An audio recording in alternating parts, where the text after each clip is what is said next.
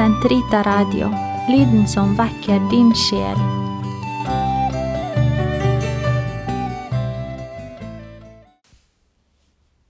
Den katolske kirkes katekisme, uke 52, torsdag 1676 til 1683. Folkereligiøsitet Utenom den sakramentale liturgi og sakramentaliene må katekesen ta hensyn til de troendes fromhetsformer og folkereligiøsitet.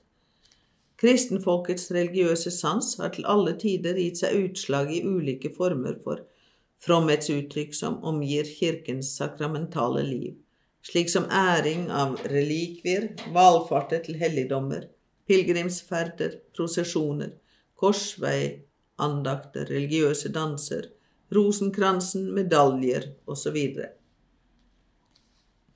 Disse uttrykksformene står i forlengelsen av kirkens liturgiske liv, men erstatter det ikke.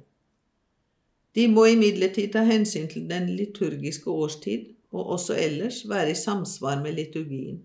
De må på en eller annen måte springe ut fra den og føre folket inn i den. For liturgien er, ut fra selve sitt vesen, alle slike andagsformer langt overlegen.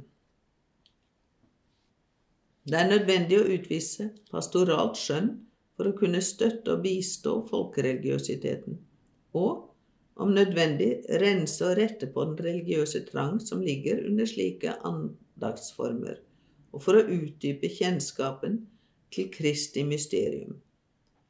Utøvelsen av dem er underlagt biskopens omsorg og skjønn, samt kirkens generelle normer. Folkereligiøsitet er i alt vesentlig en samling verdier som sammen med kristen visdom gir svar på de store spørsmål i livet. Folkelig katolsk sunn sans består i evnen til å se de store sammenhenger i livet.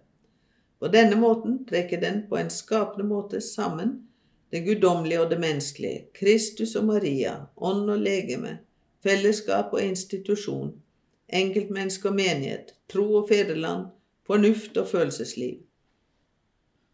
Denne visdommen er en kristen humanisme som sterkt understreker ethvert menneskelig vesens verdighet som Guds barn, som bygger et grunnleggende brorskap, lærer mennesket å møte naturen og forstå arbeidet, og som gir grunn til å leve i glede og med godt humør, selv midt oppi i de prøvelser livet byr på. Denne visdommen er det som setter folket i stand til å utøve skjønn, et evangelisk instinkt som gjør det i stand til straks å se når det er evangeliet som først betjenes i kirken, og når det tømmes for innhold og kveles av andre interesser. Kort sagt sakramentalier kalles de hellige tegn som er innstiftet av Kirken, og som har til hensikt å forberede mennesker på å motta sakramentenes frukter og hellige og hellige ulike livssituasjoner. Blant sakramentaliene inntar velsignelsene en viktig plass. De innebærer både lovprisning av Gud for hans verk og hans gaver, og Kirkens forbønn om at menneskene må gjøre bruk av Guds gaver i evangeliets ånd.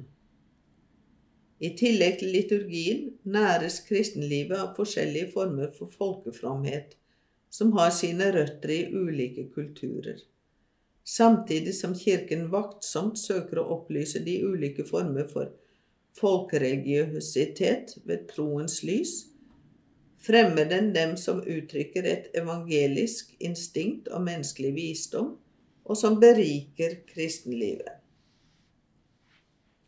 Kristen begravelse Alle sakramentene i første rekke de som fører inn i kristenlivet, har gudsbarnets siste påske for øye, den påske da det gjennom døden går inn til livet i Guds rike. Da skjer det som bekjente sitt tro og håp, jeg venter de dødes oppstandelse og det evige liv. Kristenmenneskets siste påske.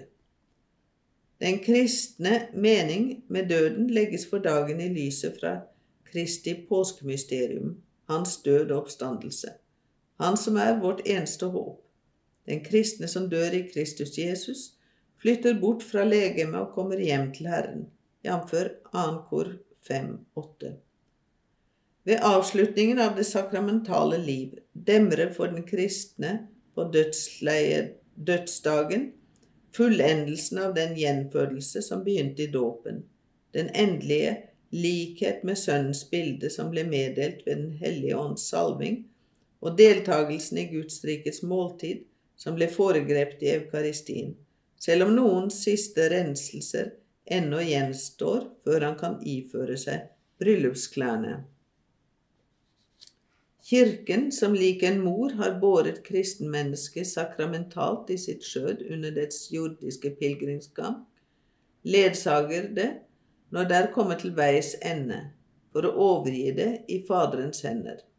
Den bærer frem for Faderen i Kristus, Hans nådes barn, og i håp planter den i jorden såkornet til det legeme som skal gjenoppstå i herlighet. Denne offergaven feires fullt ut i det eukaristiske offer. De velsignelser som går forut for det, og de som følger etter, er sakramentalier.